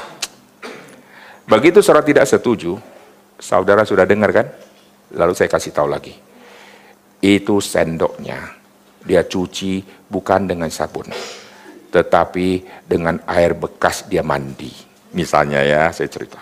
Ah, mana mungkin. Kalau begitu kita sudah mencret semua. Yang penting saudara sudah dengar. Lalu saya bilang, ini kebenaran. Karena saya sudah lihat besok-besok saudara masuk ke warung itu, kira-kira saudara pergi ke dapurnya enggak? Saudara mulai, masak sih dia bilang ini ada tikus, mau mau lihat dah. Waktu lihat, iya ya kok agak kotor ya. Lihat ya, orang perlu dikasih shock terapi, baru dia mulai akan analisa detail. Saudara. Benar gak ada tikus? Hari ini mungkin tidak, mungkin besok ada. Besok makan lagi ya, walau lihat. Akhirnya dia mulai teliti, saudara. Meskipun dia awal bilang, no, no, no, no, no, no. Dia mulai memikirkan kenapa? Ada data baru, saudara. Sekarang hari Pentakosta itu Roh Kudus membawa manusia untuk mengenal Kristus dengan bahasa yang dimengerti oleh semua orang yang hadir. Kalau pakai istilah kebaktian. Sekarang orang kebaktian pulang nggak ngerti. Pulang kebaktian harus mengerti. Karena Alkitab Tuhan wahyukan pakai bahasa manusia untuk kita mengerti. Waktu orang tanya Yesus, Yesus ajarilah kami berdoa. Yesus pakai bahasa manusia atau bahasa lain? Kalau kau berdoa, demikianlah kau berdoa. Bapa kami yang ada. Oh langsung ngerti. Oh ya ya ya Bapa. Bapa kami. Coba Yesus pakai bahasa Hokkien. Hmm. Wah, orang Yahudi bingung. Apa ini? Yesus pakai Mandarin dan sedih ke Korea, saudara. Orang nggak ngerti, lu ngomong apa? Wah nggak ngerti. Tapi Yesus bilang, Bapa kami yang ada. Oh langsung mengerti, saudara. Zaman Yesus bicara pakai bahasa Aram. Jadi mereka mengerti. Coba Yesus bicara pakai bahasa Portugis. Yesus bisa pakai bahasa Portugis. Oh bisa, dia kan Allah toh. Lalu dia bicara ke bahasa lain. Orang semua bingung, saudara. Tapi waktu dia bicara dengan bahasa manusia, itulah doa yang kita ucapkan di kebaktian minggu. Saudara, tutup doa, mari kita berdoa seperti yang diajarkan oleh Tuhan Yesus. Bapa kami yang ada di dalam sorga. Orang dengar langsung ngerti, oh iya, iya, iya. amin, amin, amin. Dengan ngerti, baru bisa amin. Kalau tidak ngerti, gimana gua amin, saudara? Coba sekarang saya bahas ini dengan bahasa Hokkien. Saudara mulut, Mau amin, tidak tahu amin yang mana, nggak ngerti semua. Tapi setelah saya bicara ada amin, amin, amin. Kenapa? Karena mengerti. Oke, sekarang kita lanjut ya. Jadi pada saat Pentakosta ada panen pertama, yaitu perwakilan dari semua orang ini di dalam komentari mencatat nanti mereka pulang, mereka akan menjadi saluran Injil yang akan dibawa pulang ke kampung halaman masing-masing. Dan pada saat kisah Rasul kita melihat nanti Injil akan tiba di Ethiopia, Tuhan memakai Filipus. Jadi kisah Rasul sedang mencatat apa? Pemberitaan tentang Kristus akan dibawa ke segala penjuru. Filipus bicara dengan sida-sida tentang apa? Domba kelu dibawa ke perbantaian. Itu tentang Kristus. Semua Kristus. Paulus pergi dari kota ke kota, semua bicara Kristus. Yesus diajarkan kepada mereka, Yesus akan mati, Yang kau ngerti di PL, itulah sudah mati dia. Dia sudah datang. Diingatkan kepada orang Yahudi. Maka mereka percaya. Paulus pergi lagi. Yesus sudah mati. Yesus sudah bangkit. Dialah Mesias yang dijanjikan satu persatu panen, panen, panen, panen dari satu tempat panen, panen. Maka setiap ladang panen pertama harus muncul, nanti baru ada yang kedua, ketiga, keempat. Yang pertama itu penting. Dan Paulus Tuhan pakai untuk banyak panen pertama. Dia keliling kota-kota, maka panen pertama dihasilkan. Panen pertama dihasilkan. Panen pertama dihasilkan. Nanti di dalam salam-salam tulisan dia muncul kalimat, "Oh, salam dari si ini." Ini orang kok tiba-tiba muncul. Dari mana Paulus punya teman namanya begini? Ini adalah orang yang dia panen. Dia injili, orang ini bertobat lalu menjadi rekan sekerja. Ini panen, terus panen, terus panen, terus panen. Paulus mengkonfirmasi kalimat Tuhan Yesus betul. Tuayan banyak, pekerja sedikit. Sampai ke daerah kafir jauh, tuayan tetap banyak, tapi pekerja sedikit. Bawa ke tanah Samaria, ladang sudah menguning. Semua rasul diam-diam saja Mestinya Rasul berkata, oke, okay, kami sekarang akan bagi kelompok karena tanah Samaria sudah menguning. Yesus injili satu perempuan. Betul-betul Samaria sudah menguning. Satu perempuan berdosa pergi berkhotbah, seluruh kota datang ke Yesus. Coba bayangkan. Hmm. Apalagi wanita baik-baik. Hmm. Istri hamba Tuhan datang. Uh, khotbah. Ini wanita yang berdosa berkhotbah, orang bisa bertobat. Wih, ini betul-betul sudah menguning, saudara. Kalau saudara bawa itu ya sabit, karena sudah banyak lah. Saudara tutup mata pun dapat, saudara. saudara. Hmm, hmm, hmm. Pakai perempuan berdosa, perempuan punya lima suami, waktu khotbah, dirinya pernah jadi batu sandungan akan menghambat Injil. Yesus membuktikan tidak. Sekarang ladang sudah menguning, perempuan berdosa yang sudah diubah, dia khotbah pun masa lalu wanita tidak akan menjadi hambatan karena ladang sudah menguning. Semua orang kota datang datang ke Yesus. Oh puji Tuhan. Tapi bukan berarti mari kita berdosa karena ladang sudah menguning tetap kita panen. Bukan saudara ya. Jangan dirubah-rubah ya. Jadi di PL ada buah pertama yang dihasilkan. Nanti di PB ada jiwa pertama yang dihasilkan menjadi perwakilan dari setiap tempat. Itulah isi dari seluruh kitab kisah Rasul. Setiap kota yang Paulus kunjungi nanti ada panen pertama. Panen, panen, panen, panen, panen. Terus nanti Paulus akan ulangi lagi. Kembali lagi ke kota yang sama, lalu dia akan panen lagi. Oke, nah sekarang saya akan bicarakan lagi paralelnya supaya kita bisa selesaikan semua tema ini ya. Perhatikan di padang gurun Sinai, yaitu pada saat gunung Sinai, sepuluh hukum turun, yang terima itu siapa? Waktu turunnya hukum Taurat, audiensnya siapa? Hmm? Lihat ya, ini paralel. Audiensnya orang Yahudi toh, Lihat, di hari Pentakosta, audiensnya siapa? Orang Yahudi.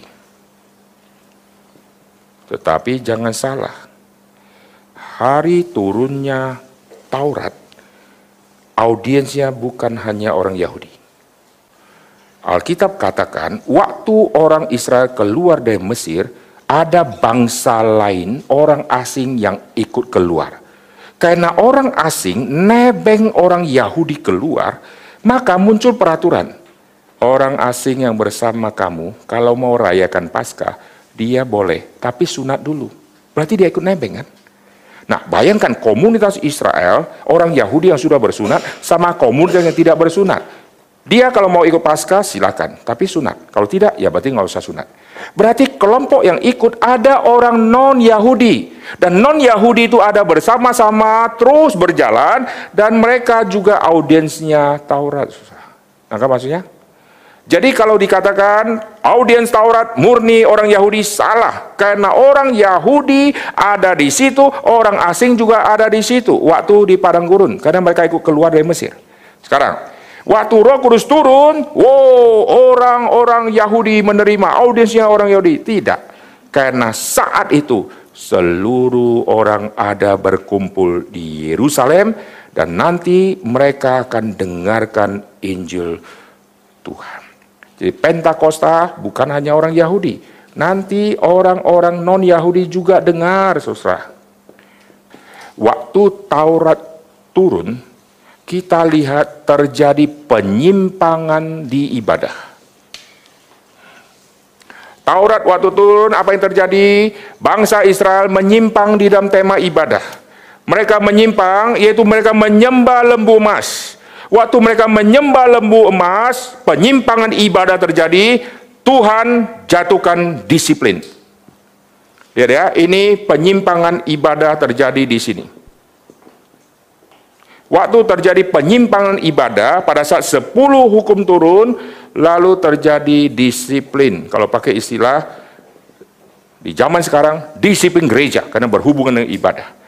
Maka 3.000 orang harus mati pada saat Roh Kudus turun di kisah Rasul ada penyimpangan ibadah yang dilakukan oleh Ananias dan Safira. Dan Ananias dan Safira dibunuh oleh Tuhan. Lihat di turunnya Roh Kudus, penyimpangan ibadah terjadi, terjadi korupsi di dalam persembahan, Lalu Tuhan bunuh Ananias Safira. Setelah itu tidak pernah ada penyimpangan ibadah lagi yang berupa korupsi-korupsi kayak begini. Jadi kita melihat ini paralel yang sangat indah saudara ya. Jadi disiplin gereja terjadi, lalu terjadi bunuh. Lalu apalagi paralelnya, yaitu pada saat 10 hukum turun, Tuhan menuliskan hukumnya di dua loh batu. Pada saat hari turunnya Roh Kudus, Tuhan akan menuliskan hukumnya Tuhan di dalam hati nurani manusia. Jadi hukum Tuhan bukan lagi di loh batu. Hukum Tuhan di dalam hati. Sehingga kita waktu melakukan segala sesuatu, ada suara Tuhan yang bekerja sama-sama dengan suara hati nurani. Itu muncul di dalam kitab Roma suara hati nuraniku turut bekerja dengan Roh Kudus atau suara Roh Kudus bekerja bersama dengan suara hati nurani untuk menjadi satu konfirmasi saksi yang double menjadi kesaksian sah. Tuhan tulis di dua loh batu. Itu Taurat. Lalu yang PB Tuhan tulis di dalam hati manusia. Taurat ada di dalam hati, itu kita bisa lihat di dalam kitab Yeremia. Yeremia pasal 31 ayat 33 sama Yehezkiel pasal 36 ayat 26 dan ayat ke-27. Oke, kita lihat dulu Yeremia pasal yang ke-31 di ayat yang ke-33. Tetapi beginilah perjanjian yang kuadakan dengan kaum Israel sesudah waktu itu. Demikianlah firman Tuhan, aku akan menaruh Tauratku dalam batin mereka dan menuliskan dalam hati mereka. Maka aku akan menjadi Allah mereka, mereka akan menjadi umatku. Ini bicara covenant. Jadi turunnya 10 hukum ini adalah bicara ikatan perjanjian. Covenant. Nah, saya tidak bahas panjang karena nanti makan waktu di situ ya. Jadi kita tadi sudah masuk ke nomor 7 tulis di dua loh batu, lalu persamaan yang ke-8 ini bicara tentang covenant. Nah, covenant yang dimaksud di sini ini selalu memakai pola yaitu kamu umatku, aku alamu. Itu kalimat covenant. Oke. Nah, lalu paralel yang menarik lagi di dalam Alkitab dikaitkan dengan ketubah. Taurat itu dikaitkan dengan ketubah, susah. bukan ketuban lo ya. Ketubah. Wah, ini menarik. Ketubah ini adalah ikatan perjanjian kontrak pernikahan. Wih, menarik. Apa artinya di Gunung Sinai terjadi ikatan kontrak pernikahan? Ketubah. Lalu di dalam perjanjian baru turunnya Roh Kudus ini bicara mengenai kontrak perjanjian pernikahan. Oke. Lalu ada lagi istilah yang muncul yaitu matan Torah. Matan Torah. Matan Torah itu apa? Ini adalah pemberian hadiah. Contoh, saya ini yang laki-laki mempelai laki-laki, lalu ada mempelai perempuan, lalu akan terjadi ikatan kontrak pernikahan. Nah, matan Torah sama ketubah ini kontrak ikatan kontrak pernikahan sama matan Torah pemberian hadiah. Saya bawa satu hadiah kepada calonku. Hadiah ini kuberikan kepada dia sebagai satu jaminan pasti suatu saat saya pasti kembali kepadamu dan kau akan ikut saya selama-lamanya. Saya ulangi ya. Jadi ada semacam matan Torah, pemberian sesuatu yang dilakukan oleh seorang mempelai laki-laki diberikan kepada seorang perempuan untuk meyakinkan dia ini jaminan pemberianku. Sebagai tanda bukti aku pasti akan ambil engkau, kita pasti akan ketemu, aku akan datang menjemput engkau.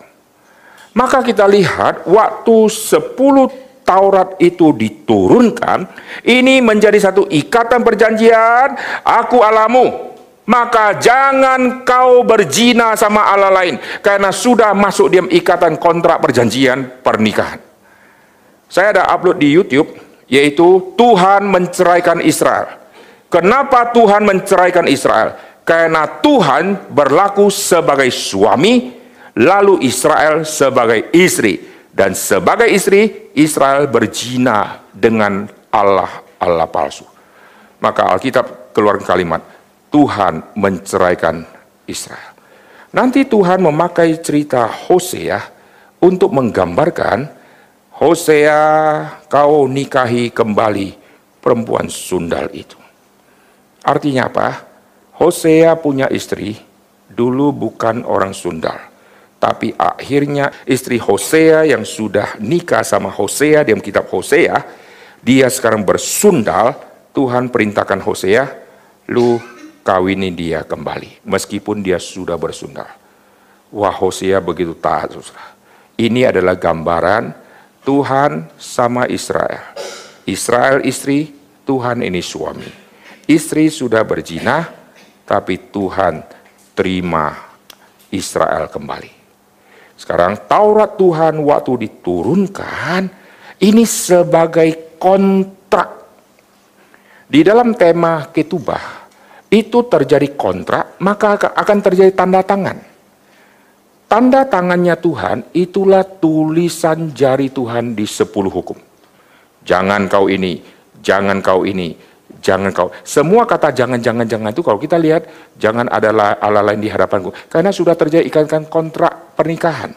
Kalau kau ada Allah lain, kau berzina sama suami yang lain. Karena suami yang lain itu adalah ilah-ilah palsu. Bisa ikutin? Jadi ada tulisan, ada ikatan kontrak.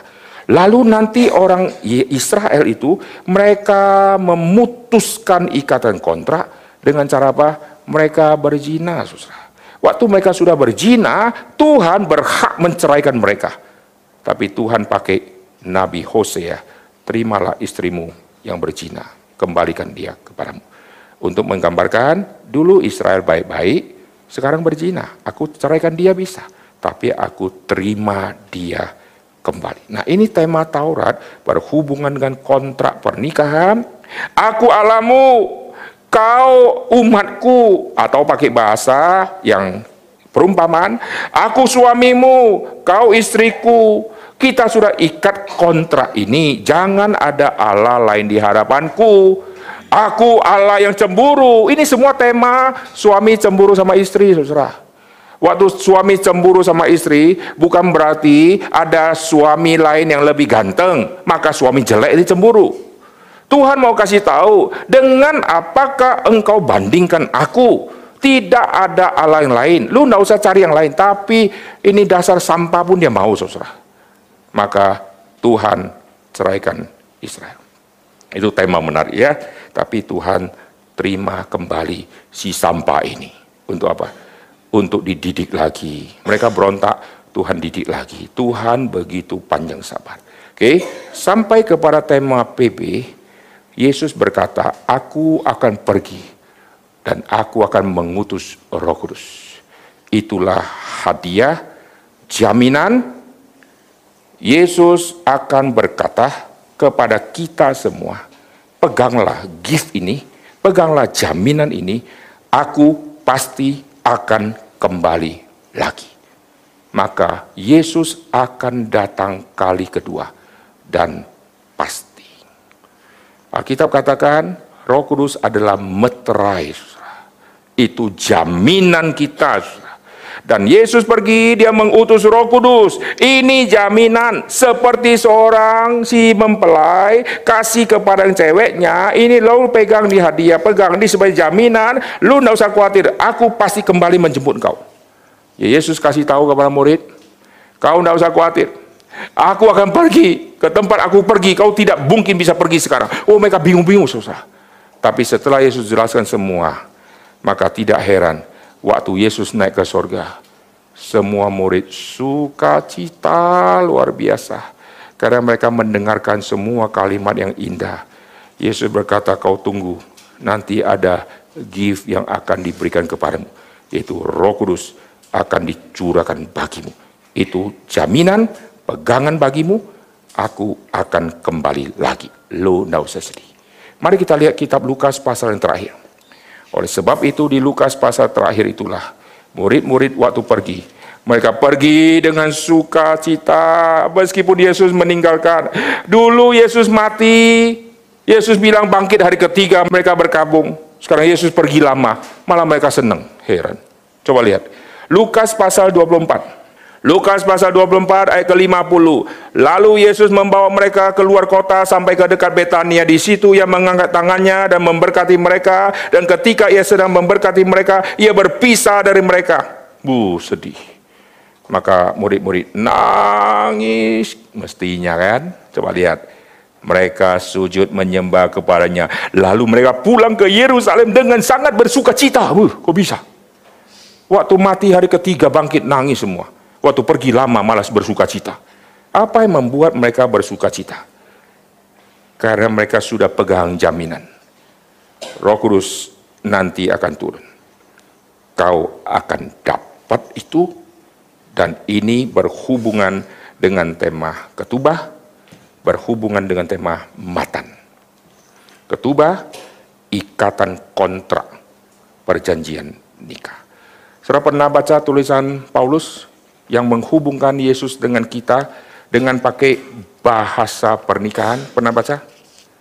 2 Korintus pasal ke-11, mari kita baca sama-sama. Di sini muncul tema berhubungan dengan seperti keluarga, seperti suami istri, saudara.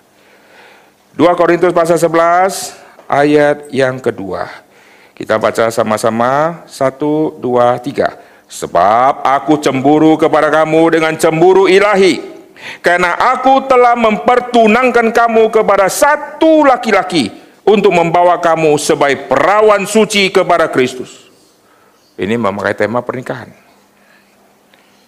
Israel diibaratkan wanitanya. Tuhan diibaratkan suaminya. Paulus bilang, aku cemburu dengan cemburu ilahi. Kenapa Tuhan bisa cemburu? Karena Israel, istrinya, berzina dengan Allah sampah-sampah. Lalu, kenapakah orang Kristen di Korintus, kenapakah mengecewakan Paulus? Karena mereka sudah tidak lagi menganggap Kristus yang paling tinggi. Mereka anggap hikmat dunia lebih tinggi. Mereka merasa penyataan-penyataan spiritual lebih tinggi daripada Kristus. Lalu mereka merasa mereka bisa banyak karunia, tapi banyak perpecahan. Kami dari golongan Apolos, kalau ada roh kudus, kenapa ada pecah? Kami dari golongan Kewas, kami dari golongan Paulus, kami dari golongan Kristus. Terjadi empat perpecahan kelompok di dalam Korintus. Tahu tidak, aku cemburu dengan kamu dan cemburu ilahi. Perjamuan kudus yang begitu penting, kau jadikan pesta dan mabuk-mabuk. Maka Paulus tegur Korintus, khususnya tema perjamuan kudus. Jemaat Korintus banyak karunia. Banyak orang kutip karunia dari Korintus. Tapi jemaat Korintus adalah jemaat yang paling brengsek, di seluruh jemaat yang Paulus pernah layani di dalam dunia. Tidak ada jemaat yang lebih brengsek daripada jemaat Korintus. Kalau saudara baca latar belakang akan kaget. Mereka kalau sudah habis perjamuan, perjamuan kudus, lalu mereka pesta di belakang. Sudah pesta di belakang, mereka makan enak, makan enak, mabuk-mabuk, saudara. Sudah kenyang, nanti mereka masukkan jarinya ke mulut, wah, mereka muntah, mereka makan lagi, saudara. Maka Paulus marahnya luar biasa. Saudara baca latar belakang jemaat Korintus, saudara kaget melihat katanya sudah Kristen, katanya punya karunia, tapi hidupnya amburadul. Maka di Korintus itulah Paulus mau tidak mau mengatakan, aku kenal seorang Kristen 14 tahun yang lalu.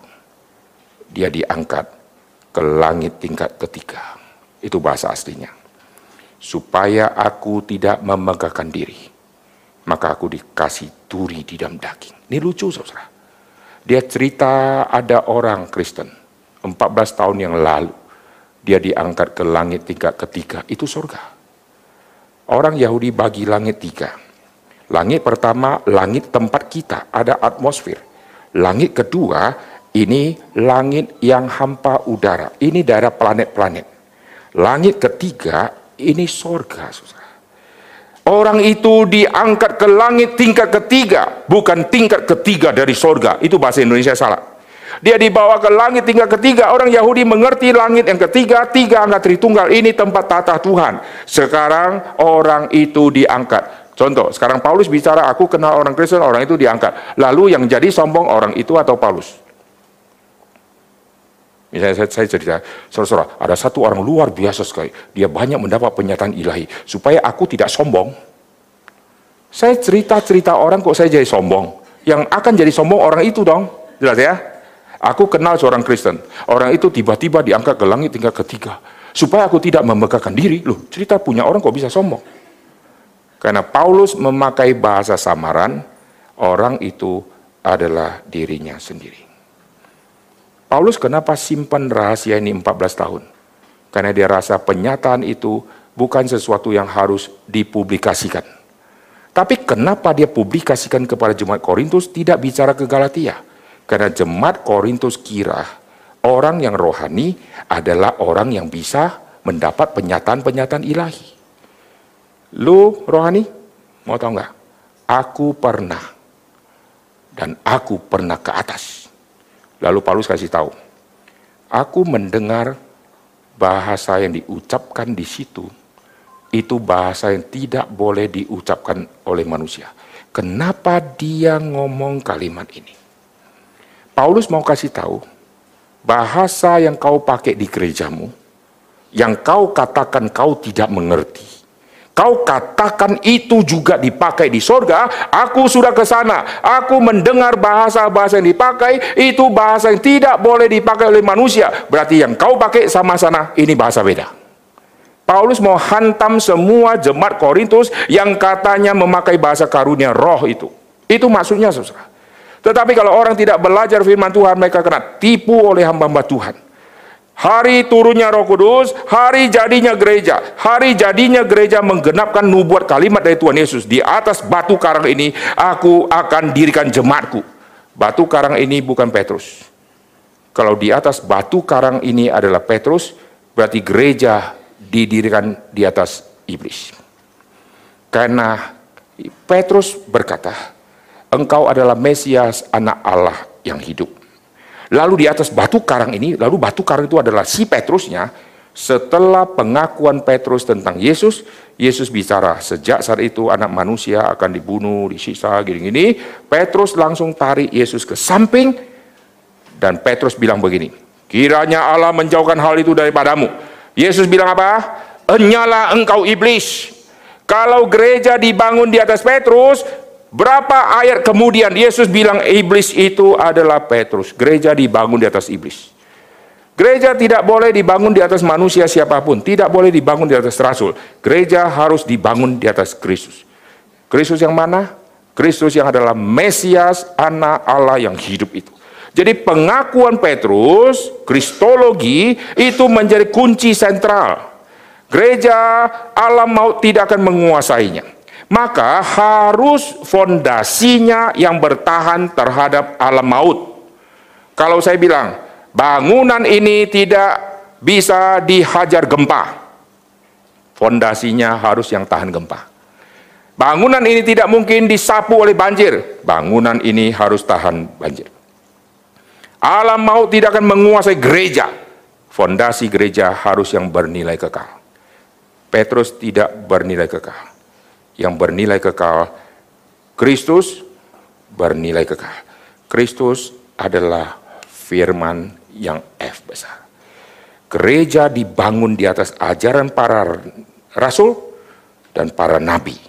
Gereja dibangun di atas Alkitab, firman yang F kecil. Firman Tuhan, F kecil. Kejadian sampai wahyu, isinya tentang Kristus. Kristus adalah firman yang F besar. Kristus kekal. Semua akan berlalu, hanya firman yang akan bertahan selama-lamanya. Firman Tuhan kekal. Maka gereja harus dibangun di atas fondasi Alkitab dan fondasi Kristus. Setiap gereja yang mengklaim ada Roh Kudus, tapi sudah tidak bicara pertobatan, tidak bisa bicara dosa, tidak bicara salib, tidak bicara Kristus, gereja itu kita tanda tanya. Dan kalau gereja menganggap dirinya ada roh kudus, lalu khotbah ayat Alkitab, lalu tinggalkan Alkitab, lalu bicara, nun jauh di sana, datanglah nenek-nenek apa-apa, apa-apa. Alkitab diperalat, lalu khotbahnya ngelantur, nggak tahu ke mana-mana, kita tanda tanya gerejanya. Gereja harus menafsirkan kitab suci sejitu-jitunya, membawa manusia untuk kenal Kristus yang dicatat di dalam Alkitab. Amin. Semua akan berlalu. Kalau akan berlalu, tidak usah cerita omong kosong. Oh, mimpilah inilah itulah itu. Semua akan berlalu. Yang tidak berlalu, ini firman yang tertulis. Tidak mungkin bohong. Tidak mungkin direkayasa. Karena keluar dari mulut Tuhan. Bicara tentang Yesus. Kita bicara tentang Yesus. Kembali ke Alkitab. Selidiki apa yang Yesus katakan. Kenapa Yesus ngomong begitu. Lalu waktu bicara murni Alkitab, maka bicara diri menjadi kurang. Kalau hamba Tuhan sudah tidak bicara Alkitab, dia akan bicara diri, pasti. Saudara-saudara puji Tuhan. Anak saya kemarin luar biasa diberkati oleh Tuhan. Cerita tentang anaknya 15 menit, saudara. Lalu setelah itu puji Tuhan, kemarin malam-malam saya mimpi, tiba-tiba saya merinding. Dan saya tahu, roh kudus masuk ke dalam hatiku. Merinding sama dengan roh kudus masuk. Saya kalau sakit perut sampai sakit, saya juga merinding.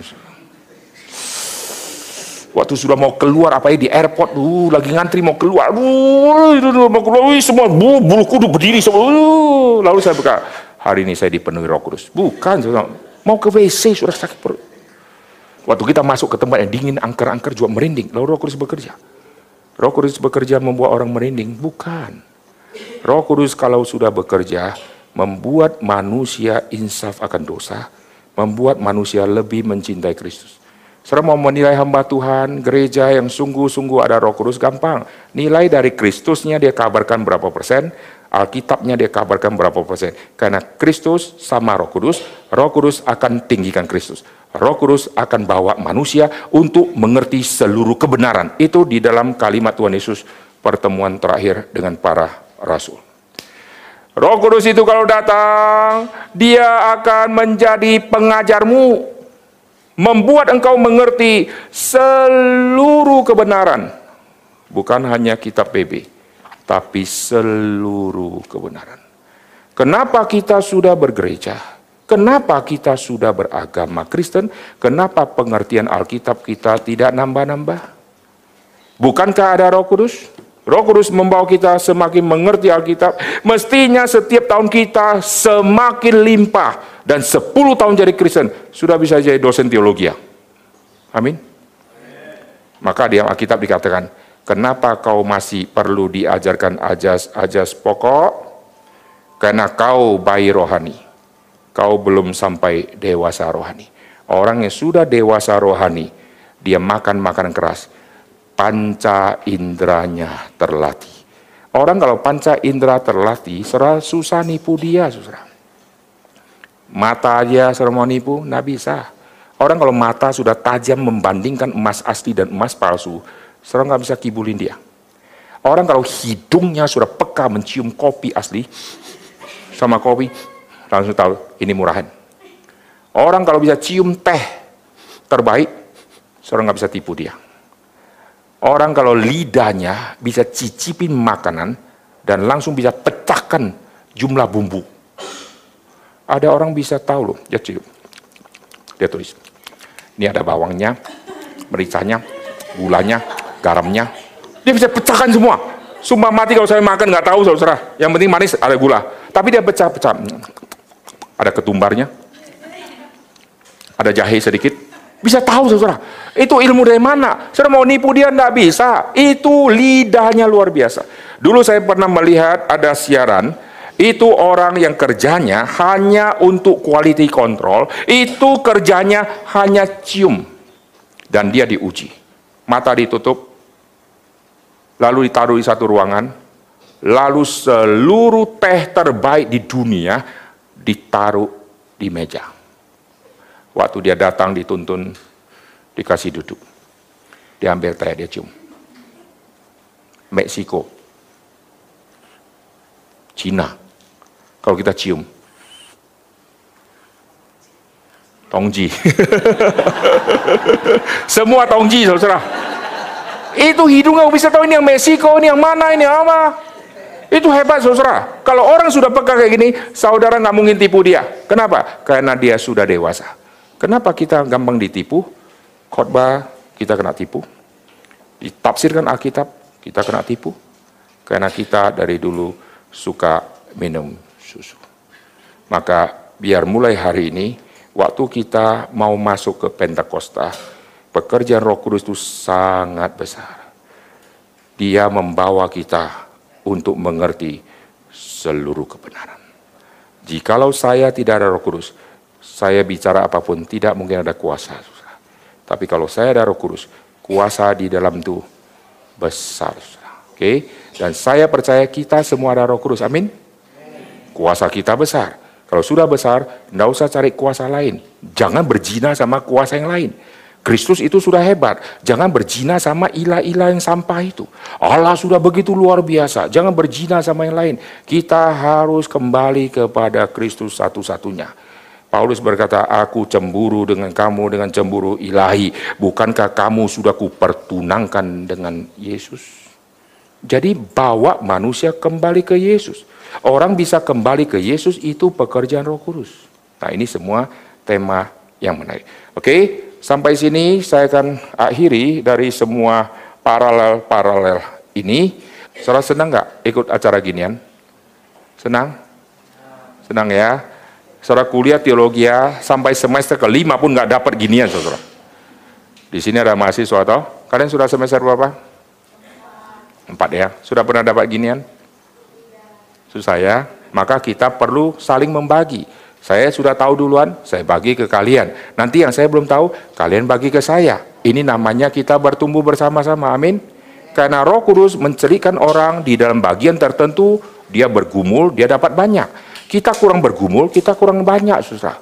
Ada orang bergumul kitab kejadian pasal kedua, maka dia dapatnya kejadian pasal kedua lebih banyak. Saya bergumul di kejadian pasal ketiga, maka saya dapatnya lebih banyak di pasal ketiga. Nangkap ya? Kalau saudara bergumulnya masing-masing sudah bergumul, kita bisa saling belajar satu dengan lain. Sehingga kekristenan menjadi majunya cepatnya luar biasa. Sekarang kita akan tundukkan kepala, kita akan berdoa. Bapa dalam surga kami berterima kasih untuk apa yang sudah kami dengarkan. Bersyukur untuk waktu-waktu yang Tuhan berikan bagi kami ini. Dengar doa kami dalam nama Tuhan Yesus kami berdoa. Amin.